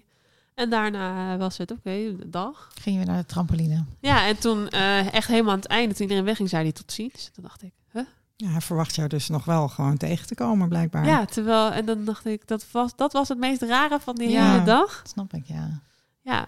Nou, en waar- het meest daar- rare vind ik dat mensen denken dat ze zo iemand kunnen behandelen. ja, nou ja. Ook niet is- respectvol naar die tante die jou had uitgenodigd. Ik weet niet of zij dat door heeft gehad, omdat zij zo bezig was met haar eigen verjaardag natuurlijk. Gelukkig. En ik denk ook niet dat ik het tegen haar ga zeggen. Nee. Tenzij ze dit luistert, dan weet ze dat nu. Maar Dan weet je het, tante, maar oké. ja, maar dit, eh, nee, ik, ik heb er wel over getwijfeld. Zal ik het tegen haar zeggen? Toen dacht ik nee, want het is haar verjaardag en zij moet daar positieve. En het is ook niet. Ja, het zijn wel haar broers en zussen, maar zij kan hun niet. Controleren. verantwoordelijk Nee, voor ze hun is ook niet gedrag. verantwoordelijk voor, Ja. nee. Nee, alhoewel je wel graag zou willen dat iemand, dan, ik dan als buitenstaander, als ik dit verhaal hoor, dan denk ik, oh god, had, had, had iemand alsjeblieft gewoon eventjes de boel kunnen masseren daar, dat ze gewoon lief tegen jou zijn, want je bent gewoon de moeite waard. Ja. Ja, nou ja, weet je, dat, eh, dat zei ook echt, Michel, die zei ook echt van ja, wil je, wil je wel blijven? Ik zeg ja, ik, ik maak het af. Ik ben hier, ik ben positief. Dus Ja. Ik ga me laat me niet wegjagen. Heb jij enig idee wat, wat heeft iemand iets tegen jou gezegd over eh, wat Johan ervan had gevonden als jij hem gevonden had? Ehm, Zegt zijn zoon daar iets over? nou ja, het blijkbaar lijk ik heel erg op hem. Waardoor heel veel mensen ook dus moeite met me hebben. Omdat hij er niet is, maar ik opeens wel er ben. Je raakt dan Ehm, een herinnering aan bij ja, zo. Blijkbaar lijk ik zo erg op hem dat sommige mensen gewoon niet naar mij kunnen kijken of zo. Ik denk, nou Wauw. oké, het zal wel. Ik, ik ken hem niet. Maar ehm, ik denk, met alle verhalen die ik over hem heb gehoord, dat ik het best wel met hem had kunnen vinden. En dat, ik niet me, dat we niet elkaars deur hadden platgelopen. Maar dat we best wel gewoon even zouden kunnen zitten en gewoon een spelletje spelen en even filosoferen over het leven. En dat we samen een uurtje zijn. Nou, hij- ja, ik speel dus Magic the Gathering en het schijnt dat hij een hele verzameling aan Magic kaarten ergens. Ik heb hier echt nog nooit Nee, van ik ook gehoord. niet. Maar dit alle, is, alle nerds die is dit gaan een in eh, subcultuur? eh, Het is heel oud. Het is gewoon een kaartspel, inderdaad. eh, maar ja, heel veel van die dingen die ik dus... Ik, ik verzamel stenen. Deed hij ook. Ik hou van dansen. deed hij ook. Hij verzamelde ook stenen. Ja, hij verzamelde ook stenen. bijzonder. Nee, dat is het Spelletjes spelen, echt gewoon fanatiek. Hij ook. Weet je, dat je allemaal dat soort dingen Ja. waarvan je denkt, nou dat Dus je hebt eigenlijk genoeg gemeen, of je had genoeg met hem gemeen gehad Ja. om, om Dat denk een ik keer wel. een leuk gesprek met hem te kunnen Ja, voeren. Van, En vind je dat nou een fijne gedachte? Of vind je dat nou of een verdrietige gedachte? Of allebei misschien wel? nou, ik heb daar wel, ik ben ook naar een psycholoog gegaan. Ik zeg, joh, hoe moet ik nou rouwen om iemand die ik nooit heb gekend? Ja. En die zei, ja, maar dat mag gewoon. En dat kan gewoon. Ik, ja, maar ik vond dat nog steeds wel lastig. Maar dus die psycholoog zei van, dat, dat, dat is gewoon oké. Dat heb ik daarna nog aan iemand een ritueel gevraagd van, joh, wat, wat zou jij nou doen? En die zei, ja, ga dan maar zitten. En ja, Esther die heeft nu tranen in haar ogen, Ja. dus ik ook. Ach, lieverd. Ik kan me de vraag heel goed voorstellen. dat je, wat moet je daar nou mee? Want inderdaad Mhm. iemand die je niet kent, waar je dan wel afscheid van moet nemen. Ehm, ja, maar die zei, ga zitten. En schrij en fantaseer gewoon dat diegene voor je zit. En ga dan alle vragen die je hebt, alles wat je willen vertellen, ook over jezelf. Ga dat gewoon doen. Dus ehm, ja, dat heb ik ook gedaan. Om zo toch me een beetje voor te stellen. Mhm. Want eh, hij, is, hij kan mij niet, ook niet leren kennen. En ja, dat wil je misschien toch ook wel. Van hoi, jij hebt toen ooit een keer je zaad gegeven. Daar Ja. zijn mensen uit. Ja. En dat ben ik. ja. Dus dat heb ik toen ook wel gedaan. En sindsdien is het ook wel oké. Ik heb toen ook een foto gekregen van hem en dus zijn zoon. Die bij hem in huis heeft gehangen. En die hangt dus ook bij mij thuis. Mooi. Om hem toch ook een plekje te geven. Want hij hoorde wel bij mij. En ehm, ja, dat, dat heeft ook wel even gekost. Om het een plekje te geven. Ja, omdat ehm, ja, hij is overleden. Dus je kan niet met hem praten. Je kan alleen over hem horen. En dat is altijd weer... Er zit altijd iemand tussen. Ja. Ja. Dus ja. Maar Mooi. Mooi dat je dat wel met ons deelt, terwijl toch zo eh, jou raakt ook nog. Hè? nou ja, het is vooral Ja. omdat Esther tegenover Omdat ik heel Esther schuld weer. Ik kan Ja. goed huilen. Ja, Ja, en dan, dan... Je kent het wel. Als je iemand ziet huilen, dan ga jij ook het wel. huilen. Ja, ja. Ja. Ah, ja. Mooi. Maar inmiddels... Komt omdat het ik het me gewoon heel goed kan. Omdat op het moment dat jij zegt van wat weet je hoe. Hè, hoe rouw je om iemand die je niet kent? Dat raakt mij gewoon heel erg. Mhm. Ja, dat snap ik. Ja. Ja. dat heb jij ook. Ja, Ja. Ja. Maar dat is zoeken. Ik vind het een mooie tip. Ja, Dus, ehm, ik vind het ook een mooie tip. Ja. ja. Maar ik Ja. vind het ook wel een mooie tip voor eh, mensen zoals ik, die eh, een donorvader hebben die niks wil. Ja, ga gewoon inderdaad Het bedenk lijkt een beetje elkaar, hè? Ja. Hm. en ga maar gewoon alles wat je had willen vertellen laten zien. Doe het maar gewoon. ja. Want jij hebt ook recht om dat te doen. En was dat... eh ja, de, je hebt dat gedaan. En was dat dan ook heel verdrietig? Of hoe was dat dan? Nee, dat was juist heel fijn. Omdat je hebt jarenlang gedacht over wat je over jezelf zou vertellen. Of wat je zou laten zien. Of eh, wat je zou doen. Dus het is fijn om dat een keer gedaan te hebben. Ja, Want dan is het eruit. ja. Dan Precies. hou je het niet meer bij je. Want het, je kan het dan nooit meer doen. Of, of- en dat zorgt ervoor dat het dan dus gaat wringen. ja. Want als je iemand ontmoet, dan gooi je het eruit, is het klaar. Ja. En Maar bij het ons kan is dus het gewoon nooit ook, klaar. Het ja. kan dus gewoon ook als diegene er niet meer is. Ja, Mooi. ja, ik geloof daar wel in. Ja, zeker. Ja, Ik vind het mooi. Ik vind het ook een mooie tip voor, eh, voor andere mensen. zeker. Doe er, doe er inderdaad je voordeel Ja, mee. Ja. Nee, mooi. Nee, want jij zei inderdaad van ik ben naar een psycholoog gegaan. Vond je meteen iemand die begreep dat dit belangrijk is? Nou ja, ik, eh, eh, ik ging gewoon naar mijn regular, als het ware. Gewoon degene die gewoon weet, alle andere shit van mij weet. Ja. Dat is iets makkelijker, want dan hoef je niet opnieuw te beginnen. En is het gewoon, ik heb nog wat shit hier, Ja. alsjeblieft. Ik, heb iets, ik heb iets nieuws. Ik heb het nieuws. ja, dit wist je Ja. nog niet, maar... Ja. En dat, is, eh, dat was even... Ja, dat is dan wat, wat makkelijker. Mhm. Dan kon ik ook gewoon zo terecht, want die kende mij. Was, oh, wil je even praten? Ja, oké, hier. Nou, dat is Ja. fijn. Maar je, je vond dus in ieder geval ook wel iemand die gewoon begreep dat dit belangrijk was. En, eh, want dat, je hoort best wel vaak hè, dat, dat, dat donorkinderen bij hulpverleners terechtkomen die geen idee hebben.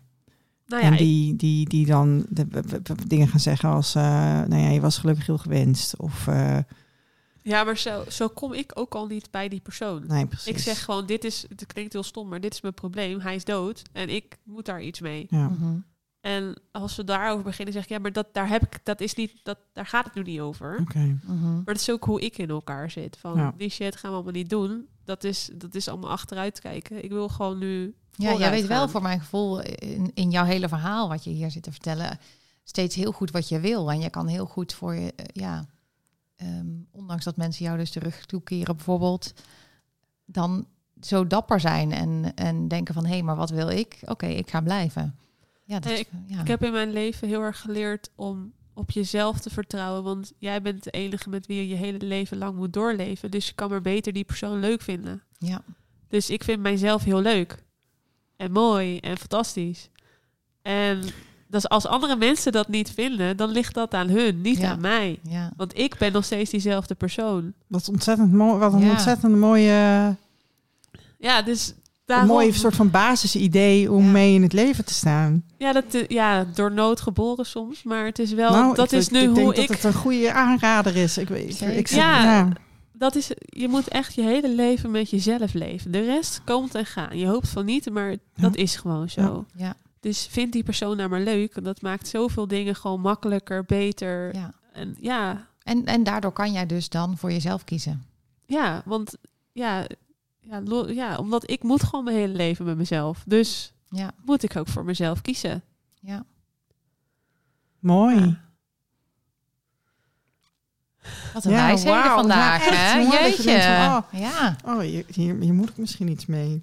ja. Misschien Nou, kan je ja. onze podcastpsycholoog Nou, worden. Misschien is het dan nu tijd om jullie een cadeautje uit te Oh, pakken. ja, ja, ja, ja, ja, ja. oh, We hebben spannend. een Want cadeautje even voor de luister. Ja, ik, ik, eh, Ja. ik luister dit al heel lang en ik vind wat Eefje en Esther doen echt fantastisch. Dus ik, ik wilde gewoon een cadeautje doen. Echt heel lief. Dus ga maar Ik zit er uitpakken. stiekem een beetje in te Ja. knijpen al. Nee, ga maar doen. Nee, dat durf ik niet. Ik heb Oké. toen met Oh. mensen Ik zal overlegd het voor mijn microfoon, dat mensen horen. En die zeiden: Denk over oh, waar. fantastisch. Ja. Oh, wat lief. Wat wil je ze meegeven? Wat wil je dat, dat, dat het zegt? Wacht even tot Esther hem ook heeft. Ja. Nou, ja, ik vind het nu heel moeilijk om dan zelf te zeggen wat het zegt, terwijl het best wel heel duidelijk is. Maar om dat dan over jezelf te zeggen. Oh. oh, het is een super eend. Ja, Oh, wauw. Het is dus een bad eentje en dan een superwoman bad eentje. ik vind hem echt fantastisch. Omdat ik jullie één de kwak kwaakt. Dus ja, het moest wel een bad eentje Ja, zijn. dat kan niet anders. En omdat jullie gewoon supervrouwen zijn. Ah, Een superwoman bad eentje. heel lief. En, Ja. en, en een fantastisch mooi compliment. Nou, Ja, ik ben er stil van. ik ook, ja. Gaaf. Nou ja, dankjewel. Ik heb het nog nooit gezien. Nee, dit is echt fantastisch. Ja. Wist je dat dit bestond? Ja, ik heb echt, eh, weet ik hoeveel sites afgezocht met wat, wat ga ik dan doen, weet je wel? Waar je Waar hebt ook ga nog heel veel je... tijd in. Wat Ja, ga, ga je, weet je, ga je dan een artsbad eentje geven of een rechterbad eentje? En toen zei, eh, had ik met Amber overlegd, zei, nee, je moet gewoon, wat wil je dat het zegt? Ja. Ja, dat jullie gewoon supervrouwen Nou, zijn. Dus dan is het een superwoman bad eentje. Ik ga hier gewoon mee in bad. Ja, Ja, ja, nee. en, dan ga ik dus, en dan ga ik denken van hoe leuk ik ben. ja. Ja, En misschien zit eh Dat denk ik nou niet altijd. Gerard dan ook in bad, zou ik zeggen. Maar misschien, of misschien zit hij naast nee. het bad zo over Ja. je haar te aaien. Of je doet je haar shampoo. Ja, ik heb dus wel eens, ehm, eh, ik heb best wel, ik, ik, ik, ik heb ook een, een, op een gegeven moment een boekje eh, gekocht en daarin ging ik schrijven aan Gerard. Maar ik ben eigenlijk nooit, een mooi schriftje had ik gekocht en ik ben Mhm. eigenlijk nooit voorbij de eerste bladzijde gekomen. Het was, zo- het, ik vond het nog zo ongemakkelijk, zeg maar. Ja. Maar ik heb, ehm, ik heb het idee om, eh, om een podcast te maken. ja. Ehm, en om dan een soort van onderzoek te gaan doen naar van wie was die nou? En, en, en wie zijn mijn broers en zussen en wat hebben we nou gemeen? En, dus daar wil ik een plannetje voor maken. En dan, Wat goed. Dus- Dus op die Mooi, manier, hè? soort, ik heb best wel wat audiomateriaal van Gerard. Ja. Dus, ik, dus de stem ken ik. En ehm, nou, op zich, weet je, hij heeft dus, dan ging hij op vakantie en dan ging hij vertellen, nou, vandaag zijn we in, eh nou, willekeurige Franse plaatsnaam. We staan op de camping Municipaal. Eh, echt, vandaag is het eh, zondag. Dat betekent dat het gisteren zaterdag was. En dan lig ik dus echt in een deuk. Vind ik fantastisch. Dus nou ja, weet je, dus ik, ik- dat, is, de- dat is denk ik, want ik moet er wel nog steeds iets mee. Ik, moet, ik, ik, wil, of ik wil er nog steeds heel graag iets mee. Ja. Op een of andere Je manier. wil Gerard even ook een plekje geven in jouw leven. Ja. En En ook weten wie die fan nou eigenlijk was. En, en toch ook een gevoel van een gevoel hebben bij van ja, maar wat, wat heb ik dan van hem? Weet je wel? Want ik Ja. kijk naar mijn moeder en dan denk ik van oh, alles wat ik van haar niet wil.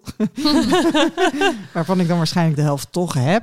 Maar alles Daar wat heeft ik van haar Gerard een wil, tegenovergestelde ja, eigenschap ja, van. ja. En die heb jij. Ja, Ja. En tegelijkertijd blijf jij toch gewoon Esther. klopt. Ja, Ja. ja dus eh, ja, ik vind dat wel heel mooi om op die manier dan te kijken wie is hij en wie ben ik dan.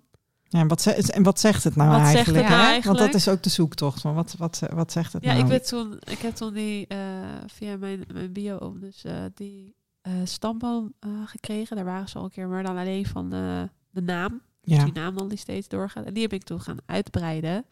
En ik ben nu zes, zes voor ouders verder of zo. En toen heb ik hem even gelaten. En heb ik dan ook weer gedeeld met iedereen.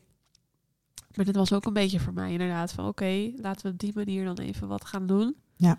Omdat het, het is voor hun nog iets te pijnlijk om over Johan zelf te praten. Nou, dan gaan we het een beetje zo En wie is hun nu in dit verhaal? Ehm, nou ja, bijna iedereen wel.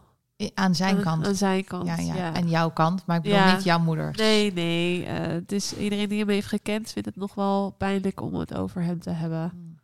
En dus ik wacht, want ja, het- hij is nog, hij blijft dood. Ja, Ja. zo ben ik, zo nuchter ben ik dan ook wel weer. Ja. Er verandert niks aan dat hij dood is. Nou, dat vind ik lastig met Gerard. Dat die, die, die, was, die zou nu in de negentig geweest zijn. Er leven geen vrienden meer, weet je Nee. wel. Dus er is alleen zijn kinderen. En als Ja. kind kijk je toch anders naar iemand dan Iemand die je zeg maar random kent of familie. Zeker. Of, eh, dus, eh, Dat is wel, want ik ging dan weer deze podcast weer wat meer luisteren. En toen dacht ik, ja, misschien moet ik toch zelf iets meer een plek ook in hun leven nemen. Maar dat vind ik dan weer lastig. ja, En dan niet per se omdat ik hun leven dan overhoop haal, maar omdat ik het positief wil houden. ja, En ergens ben je nog steeds, daar heb je het ook over gehad, bang dat je er weer uit wordt gegooid. Terwijl ik weet dat met die, met die vooral met die oom die ik heb, dat dat echt niet gebeurt. Maar toch heb je ergens iets van, ja, als ik te veel ga poeren, misschien ja, ja, gaan ze dan eh me helemaal eruit eh, doen. Of willen ze Ja. even geen contact of zo. Dus, maar ja, dus daar ben ik nog ook wel zoekende in van, dat is wel gek, meer. hè? Dat ja. je dat, dat eigenlijk wat, wat mensen zeggen, wat er bij familie hoort, dat is dat onvoorwaardelijke. Dat dat er dan dus niet is. Dat je niet, je mag er niet van uitgaan dat je er gewoon, dat je die plek hebt. Je hebt dat ook toch met, met, met, met Ik herken dit helemaal. maar Ja. ik denk altijd wel dat dat ook iets in mijn persoon is. En dan hoor ik jou Zeker. en jij bent zo ehm, ja, zelfverzekerd en jezelf en, en je durft zoveel. En dan ben ik toch een beetje verrast eigenlijk. Dat Het is- jij door dat soort gevoelens ook hebt. Het is vooral omdat toen ik eh hooi eraan kwam waaien, toen was hij echt net dood. Mhm, En dus laat je iemand ook gewoon rouwen. Mhm, En nu zit ik op zo'n punt dat ik denk, ja, maar het is nu wel vijf jaar geleden. Ja. mhm. Mag ik nu, ik probeer langzaam dan, dat is ook een beetje je moment kiezen van wanneer mag jij dan iets meer naar de voorgrond treden. Ja. En dat vind ik ook een lastige. Dat is een beetje de ruimte zoeken naar Ja. dat je toch gewoon graag informatie krijgt. Ja, en dat is dus ook die van ruimte nemen en ruimte krijgen. mhm. En dat, eh, dat, eh, die balans en dat samenspel daartussen. Ja, en ik vind het ook nog wel ingewikkeld om, waar we het eerder vandaag ook al eventjes over hadden, maar je deelt dus geen geschiedenis samen. Nee. Dus je moet ook nog een beetje op zoek naar van, oké, waar, ehm, waar treffen we elkaar? Wat vinden we allebei interessant? Waar heb ik een, een linkje om contact over op te nemen, zeg maar? Want soms, kijk, met je zus, ja, als die jarig is, dan bel je haar. Ja. Of, of weet ik wel, je zit een kaartje of je doet het misschien niet. Als je een, rup, Misschien hebben jullie een een ander moment. vindt, dan bel je haar. Ja. ja. En dus Ja. op zussendag heb je contact, maar dat heb je dus met deze familie niet. En dat vind ik dan lastig. Dat ik inderdaad me dan soms eh, denk van ja, ga ik me dan eh, opdringen? En heb ik dan iets te vertellen wat zij ook interessant vinden? Snap je? Nou ja, ja, ik snap dat. Maar ik heb meer zoiets van ehm, dat zij dat ook naar hebben naar jou. Ja. En Dat zal dus zit je gelijk daarin. En dus omdat je allebei daarin zoekende bent, vind ik het dus weer minder erg. Ja. Dat ik weet dat zij vinden mij ook interessant. Ik vind hen heel interessant. En dus ga je samen. Ik heb wel het gevoel dat je dan samen een beetje zoekende Ja. bent naar die. Ja. eh, ja, waar ga je het dan over hebben? Maar kun je dat dan ook bespreken? Zou, zou het helpen om dat dan ook expliciet te maken, om dit gewoon te benoemen? Heb je tegen mij, Esther? Ja, ja ik, ik heb het tegen jullie allebei, maar ik stel de vraag inderdaad ook wel een beetje aan jou, Eve. Ja. Maar Nou kijk, ik hoor jou al. Je hebt een soort overtuiging dat zij jou ook interessant vinden. En die overtuiging die heerst ja, bij mij niet. ach, Dus Nou ja. dan, eh, ik heb het gevoel dat ze het meer voor mij doen. En, en dat ze dat dan ook, dat, dan kan je de men, dus mensen tot last zijn of zo, snap je? Ja, maar als ze het voor jou doen, dan moeten ze toch ook voor jou doen. En dan mag jij toch ook vragen. ja, maar als je dan te veel vraagt, dan, Ja, dat, maar dat heb je altijd. ja, I know. En dat is het lastige. Ja. En dat, dat voel ik ook. Dat ik denk, ja, maar ik wil nu meer. Mhm.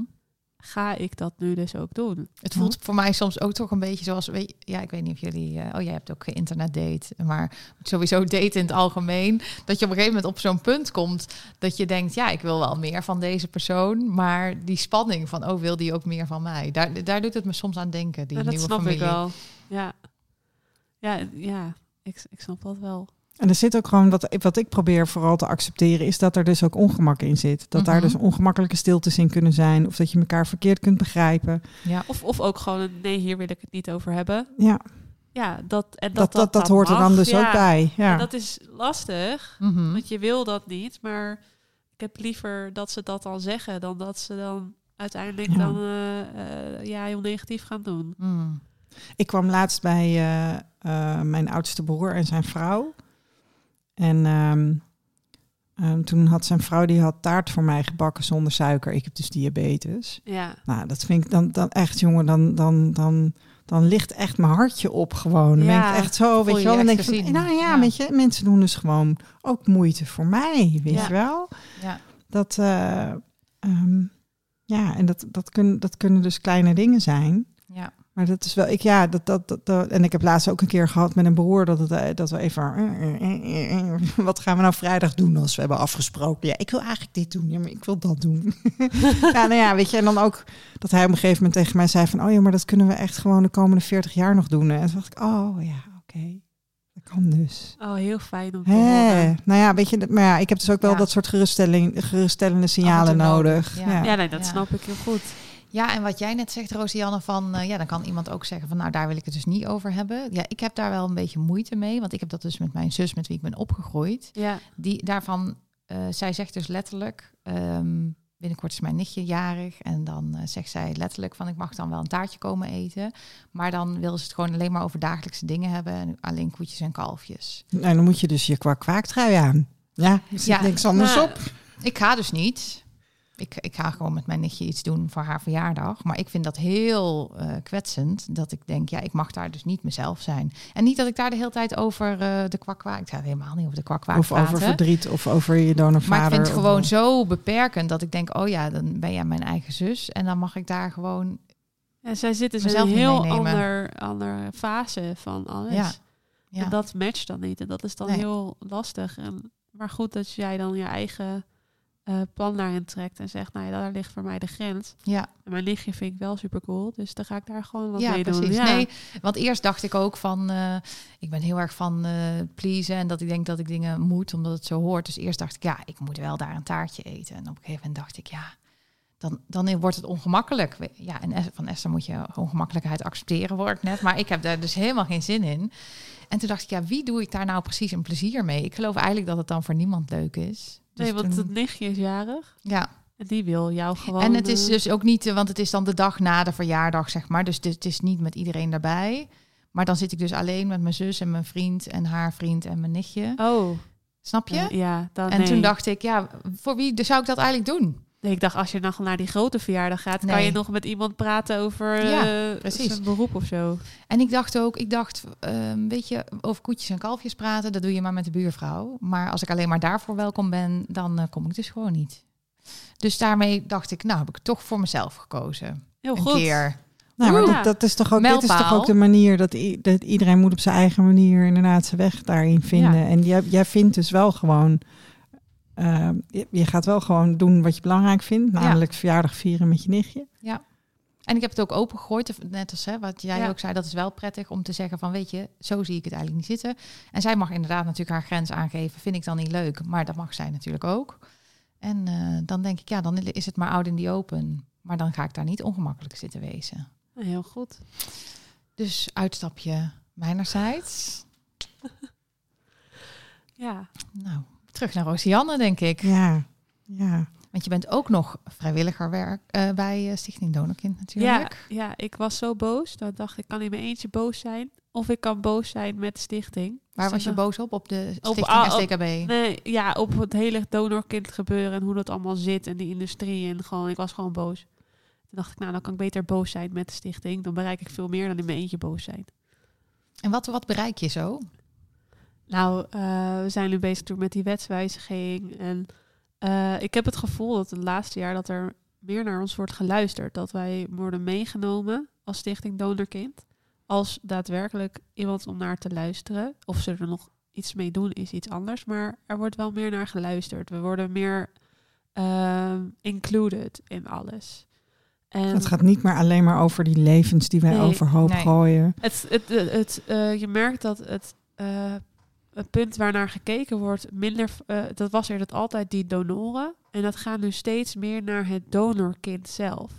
En dat vind ik gewoon heel fijn. Want het gaat niet over die donor. Die donor heeft één keer zijn kwakkie. Of misschien meerdere keren zijn kwakkie gegeven. Maar dat donorkind leeft. Dat is een persoon. Dus daar moet de focus op liggen. En ik merk dat dat nu steeds meer gebeurt Ja. door Stichting Donorkind, door wat we allemaal doen, door dat we in bladen staan en doordat we gewoon keihard roepen en de podcast en alles. De lange adem eigenlijk, hè? Ja, die moet je altijd hebben als donorkind in dat opzicht. Maar Geduld ook. Geduld. Is er nog Ja. eigenlijk eh, iets gebeurd met eh, die eh aanteken of die opmerkingen bij die brief van de SDKB die ze sturen aan donoren? Want hebben we een, een half jaar geleden of zo. eh, Weet jij ik, had ook mee- meegekeken, toch?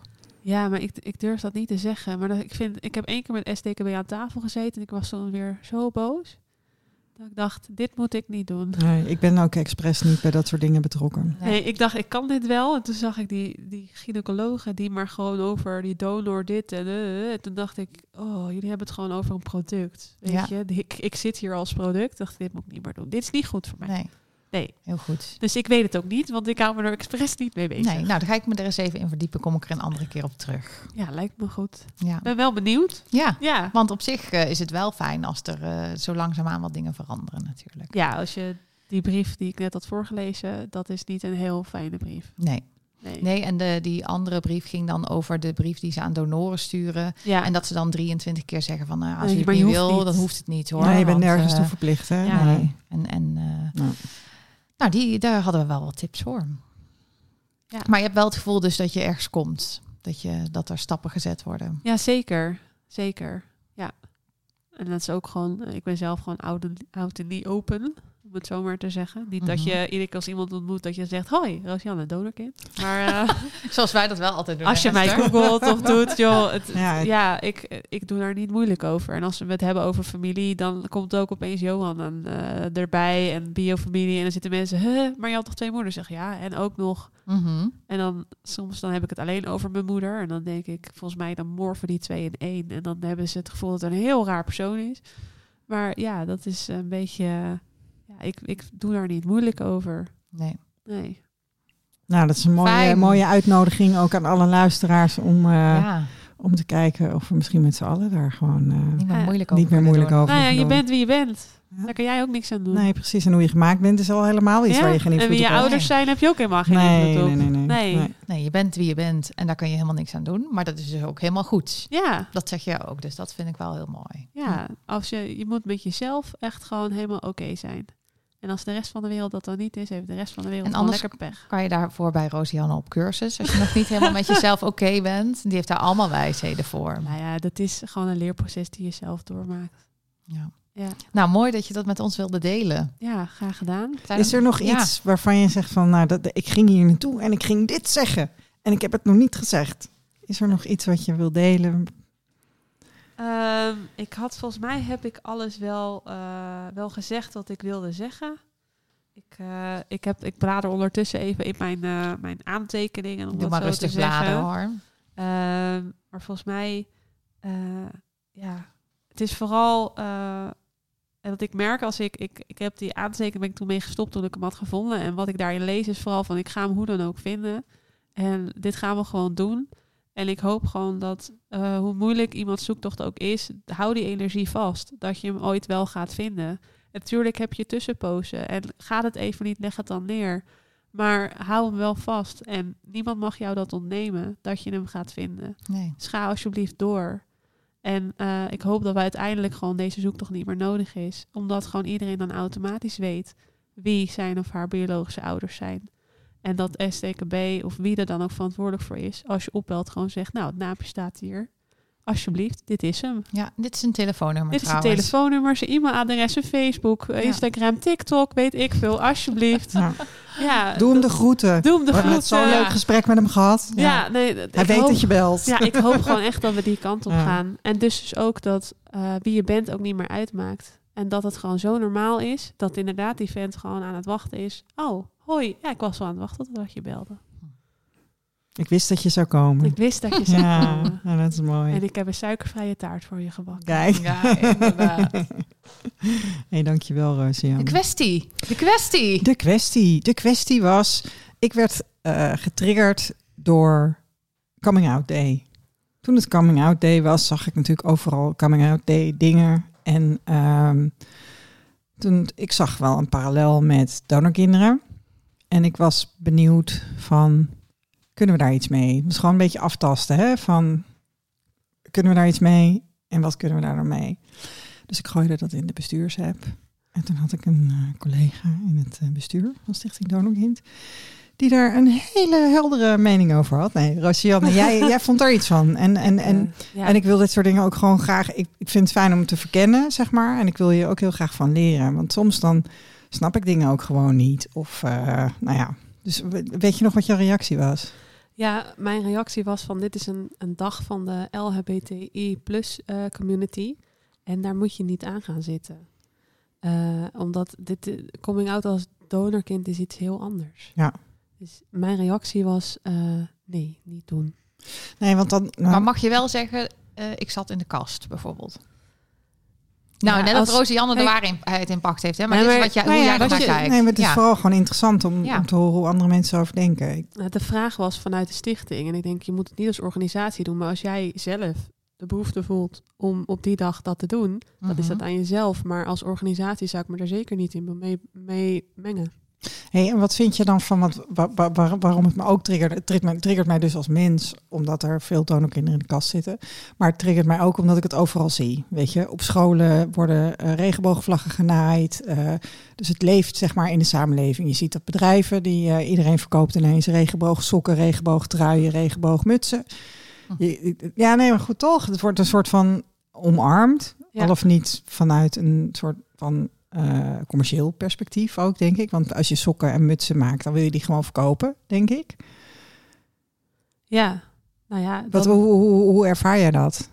ja ik, eh, je hebt Roze Zaterdag, je hebt eh, Pride, je hebt Paarse Out Vrijdag Day, heb je ook, Paarse. Vrijdag. Je hebt van die weken, je hebt, ja, voor- maar ja, goed, ik ben ook opgegroeid met twee moeders. Voor Ja. mij was dat gewoon het ding. Maar ehm, ja, ik denk dat het begint bij zelf een, een herkenbaar symbool of een herkenbare vlag of een herkenbaar kleur Ja. hebben. En die dan introduceren. Want de eerste Pride was een, een riot. Hè? Dat was niet een, een iets, iets leuks. Dat was gewoon, we gaan allemaal de straat op om voor onze rechten op te komen. Ja. En daar is dus de Pride van gekomen. Dus eigenlijk zijn we er ook al mee bezig met de dag van de donorkind. Ja. En dan eh, is het nu het toevoegen van herkenbare dingen. En het dan langzaam uitbreiden. Zoals het nieuwe logo met dat, icoontje wat we erbij hebben. Dat dat soort dingen herkenbaar worden. Ja, en dat je die dus ook eh, los van die dag wat meer gaat promoten. Dat het op vlaggen komt. Weet je, dat je zo begint. En dan eh, ja, gaandeweg dat iedereen zegt wie een vlaggenstok heeft op 30 eh, mei. Doe die vlag uit met dat icoontje. Waarom? Ja, het is de dag van donorkind. En zo ga je dan verder. Hey, en ehm, je, je want wa- waar, waar, ik- wat ik ook begreep was dat het vooral ook dat je moet oppassen dat je niet doet van how can I make this about me? Ja. Van oh ja, nee, de, Mhm. de homo's en les, lesbiennes die moeten uit de kast komen en queer mensen en maar wij hebben dat, wij hebben dat ook. Ja, ik, ik hou daar echt niet van. Nee, dat, dat, dat snap ik. Maar ik kan me ook nog wel voorstellen dat je je solidair verklaart door bijvoorbeeld op die dag je logo in regenboogkleuren te hebben. Daar hoef je helemaal niet zoveel bij te zeggen. Ja, maar als je alleen maar dat doet. Ja. En voor de rest gewoon je policy gewoon nog steeds is dat je die mensen, eh, ja, dat je trans mensen gewoon uit je organisatie zet of weet ik het allemaal. Mhm. Ja, dan is het gewoon alleen maar, dat heet dan eh, pinkwashing. Ja. Nee, maar eerst bedoel, denk als Stichting Donorkind. Ja. Als Stichting Donorkind, ja, je zou dan, ja, ik, ik zelf, ik, ha, ik hou daar gewoon niet van. Maar dat is gewoon mijn persoonlijke iets, omdat ik, de, omdat ik ben opgevoed. Ja, maar het is niet zo erg, want ik ken jouw moeders, weet je zo. Mhm. Dat Oké, het gewoon, en ja. dus het, dat, dat Dus is het wordt niet echt geaccepteerd, maar omdat... Ja, en dat gevoel heb ik dan van, Mhm. eh, ja, normaal doen we er niks mee. Oh, vandaag wel, dus we hebben een regenboog. Maar morgen niet meer. Ja, ik kan daar niet heel, ik kan daar niet goed tegen. Nee. Dus misschien ben ik niet de goede persoon om deze discussie mee te hebben. Nee, ik was gewoon vooral benieuwd ook hoor. Want ik wil het gewoon... Ik vind de app niet al... Weet je, je gooit iets in de app hè. Het is een idee, gooi je in de app. En dan, of er gebeurt iets en dat gooi je in de app. En dan, dan, dan reageren mensen daarop. En, dan, en dat is het dan eigenlijk. Want echt Klopt. een discussie voeren of een gesprek op de Moet app je niet is in de doen. Dus van, je bent hier nu, dus ik vond het gewoon fijn om, eh, Ja, om die vraag te een- stellen. een oproepje gedaan vorige keer in de, in de episode. En daar heeft, eh, hebben een paar mensen op gereageerd. Maar ehm, wat ik We hadden nu- ook gevraagd van wat, wat, Ja. wat, wat kun je daar wel en niet mee? Of waar, eh, Ehm, en iemand die zegt heel uitgebreid, ehm, eh, zelf lesbisch, ehm, en die zegt: Ik snap het ongemak bij het idee dat je coming out day zou kapen. Want de D van donor conceived staat nog niet in dat alfabet, maar wel een plus. En eh, zij heeft het idee van daar kunnen alle variaties van identiteit onder vallen. Ehm,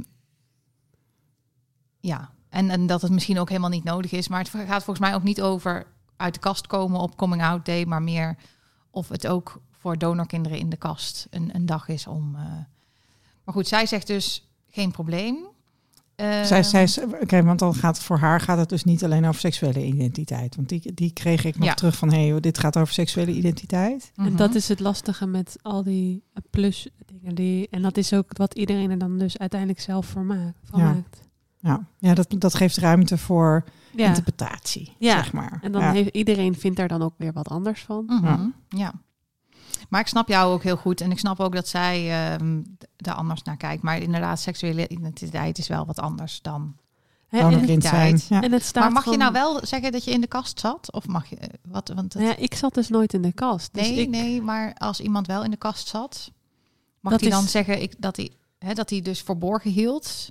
Mag je dat dan die term gebruiken? Of is dat ook diefstal van? eh, eh, van mij mag alles in dat opzicht. ja. Als je het maar bij jezelf houdt. Als Ja. dat zo voelt, dan, dan voelt dat zo. En Want als wij dit, zeggen ook heel vaak van, oh, heel veel donorkinderen zitten in de kast. Ja, maar als dat de term is die je hebt gevonden, die precies past bij het gevoel, dan moet je hem lekker gebruiken. Ja.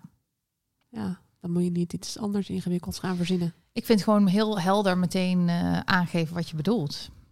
Ja, Eh, nou, voorlopig is eh, de coming out nee nog niet voor de donor conceived. Ehm, degene die dus reageerde, die heeft wel nog een kwestie. Willen jullie die nog eventjes... ehm, Kom maar door. kom maar. Ehm, een dilemma wil ze voorleggen. Als je als ehm, donor conceived person, DCP schrijft ze, gaat eh, daten, wanneer vraag je je potentiële partner dan om een testje te doen? Ik zie Rosianne lachen. Rosianne, vertel.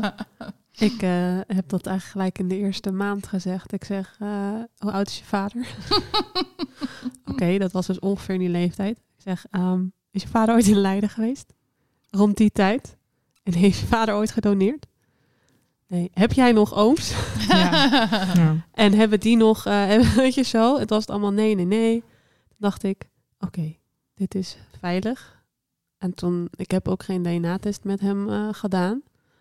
Eh, ook omdat ik gewoon, eh, ik, ja, het was voor mij wel overduidelijk dat wij niet aan DNA en ik kon het ook niet achterhalen dat ik, ik ben best wel ver gegaan daarin. Maar niemand, die hele familie zit helemaal niet bij Leiden en alles. Dus eh, ik heb het daar toen bij gelaten. Maar ik heb in de eerste maand heb ik ook gezegd, als je een huisvrouw zoekt, dan moet je nu weggaan. Want dat ben ik niet. En ik heb toen echt heel veel. Ik zeg, ik wil later kinderen. Ik heb toen in de eerste maand heb ik dat hele lijstje op tafel gegooid. Kinderen krijgen mijn naam, of niet? Of die niet? Dubbele naam. Dat, ja, nee, dat gaan we nog. Ja. De wetswijziging is nu in de maak. En dan Ja. gaan we dat. Maar daar heb ik, ben ik ook gewoon heel stellig in geweest. Ik zeg, ik word geen bezit van jou. Ik word geen huisvrouw. Als je dat allemaal zoekt en zo, dan moet je nu gewoon het uitmaken en weggaan. Want dat ben ik niet. Want ben je Wanneer toch heb- helder wanneer in heb jij, eh, communicatie? Wanneer heb jij team... eh, Nou, ook best wel. Op de eerste date, eh, op de eerste date hebben we het al gehad over eh, dat ik eh donorkind was. Ik was toen ook veel mee bezig. Ik had toen echt net eh, mijn donorvader gevonden. Dus dat speelde gewoon heel erg. En ik denk, ehm, ja, binnen een paar maanden dat ik wel zei van. eh, en ik vond dus wel dat er gewoon. Eigenlijk wist ik wel dat hij, zijn vader heus niet mijn vader was. Maar ik dacht, nou, ten eerste voor de zeker, zeker, zekerheid. En ten tweede. wij waren toen met de donor detectives heel erg bezig met er moeten zoveel mogelijk mensen Ja. in die DNA-databank. Dus eh 2% van was- Nederland. hè? was ik denk ook het ijs. verschil is, ik was 18. Oh ja. Echt net 18 en ik was er helemaal niet mee bezig. Nee, Laagdrempelige testjes waren er ook nog niet. Ik, nee, ik, ik, wist ja. ook niet dat het bestond. Dus mijn, ja, ik heb het gewoon. Nee, en bij mij was het dus eh, vier jaar geleden. En eh, ik had net mijn donorvader gevonden. We hadden net eh, een jaar daarvoor de donor detectives opgericht. We waren heel erg mee bezig. Dus eh, ja, er moest wel een testje gedaan worden. Ja. Ja, als ik nu iemand, dan zou ik ook gelijk zeggen: hey, eh, sta je al in die databank? Ja. En jij? Ik, wa- het was 2001 toen ik hoorde dat mijn vader mijn vader niet was. En ik was al getrouwd. En ik heb Flip aangekeken. En ik heb wel, ik heb wel heel even gedacht van, zou jouw vader... Heel veel verder gingen mijn gedachten niet. En ik dacht, ik had eigenlijk zo'n beeld van mijn eh, toenmalige schoonvader. Dat ik dacht, nou, die zou zijn zaad alleen maar voor heel veel geld verkopen. Dus daar ben, dus daar ben ik niet van. en ehm, ehm, ik heb, ja, nee, dus, dus er was, toen was daar geen sprake van. Nu staat Moon in de databank. Dus indirect eh, ja, staan je voorouders er dan ook in de slip ook. Ehm, en met, eh, met Meijen, die ontmoette ik toen we nog niet testen, zeg maar. Toen, ik was toen nog niet bezig, was twee jaar voor eh, de oprichting van de, van de Donor Detectives. Maar Meijen staat eh, wel, op het moment dat we gingen testen, ging hij ook een testje doen. Inderdaad. En mijn moeder en haar vriend en al mijn vriendinnen. En ja, hard gepro- geprobeerd een bijdrage te leveren ook aan die 2%. Maar ik ben wel ehm, vanaf het begin, ik, ik ben altijd open over het feit dat ik donorkind ben. Al zolang ik het weet, Ik ook. ehm, ben, ik daar, ben ik daar open over. Ik heb ook nooit, eh, gelukkig ging mijn moeder ook nooit zeggen dat ik iets geheim moest houden. Want ik hoorde het dan toen ik 15 was. Maar er was voor mij ook nooit een optie om daar niet over te praten. Nee, gelukkig niet. Nee, anders zat ik ook niet deze podcast te presenteren natuurlijk. Dat zou Hey, heel gek zijn. Hebben we nu alle, alle netelige kwesties eh, Nu zijn alle ingewikkelde kwesties eh, behandeld. meteen, eh, meteen bespreken? Gewoon eigenlijk gewoon op tafel gooien en, eh, Ja. en gaan. Inderdaad. Dan gewoon een testje met tas stoppen. Nee. Ja. Ja, ik, Je moet gewoon altijd een testje bij je hebben. dat is het allerbeste. ik zie het echt zo voor me, al die eerste bij First Dates Café Ja. Oh ja, of tv. En dan Ja. echt zo, ja, voordat wij verder kunnen gaan, Ja. Wil ik wel even deze. En dan over zes weken, of wanneer de komen, dan wil ik wel weer een eerste, echt een eerste date. Want dan weet ik zeker of wij eh, verder kunnen gaan. Die tijd gaat misschien wel komen gewoon. Dat mensen eerst willen weten of eh, het genenpakketje wel een beetje goed bij elkaar past. Ja, nou, maar dat gebeurt al hè, in bepaalde kringen. Er zijn eh, bijvoorbeeld in eh, eh, Joodse mensen, daar heb je ook zo'n erfelijke ziekte. Hele akelige erfelijke ziekte, dat je kindertjes heel jong en pijnlijk sterven als ze dat hebben. Ehm, dus mensen testen vaak al. Nou, dat eh, helpt ons alleen maar Ja. uiteindelijk. Lieve mensen, dit was hem dan, hè? ja, oké. Nou, dit was dus de episode met Roosianne. Mede mogelijk gemaakt door Fion. Onze tune is Speak Easy, Van Shane Ivers. te vinden op silvermansound.com. En wil je ons dan spo- nou sponsoren? Mail dan eh, naar de kwakwaakt gmail.com. En eh, tot de volgende keer.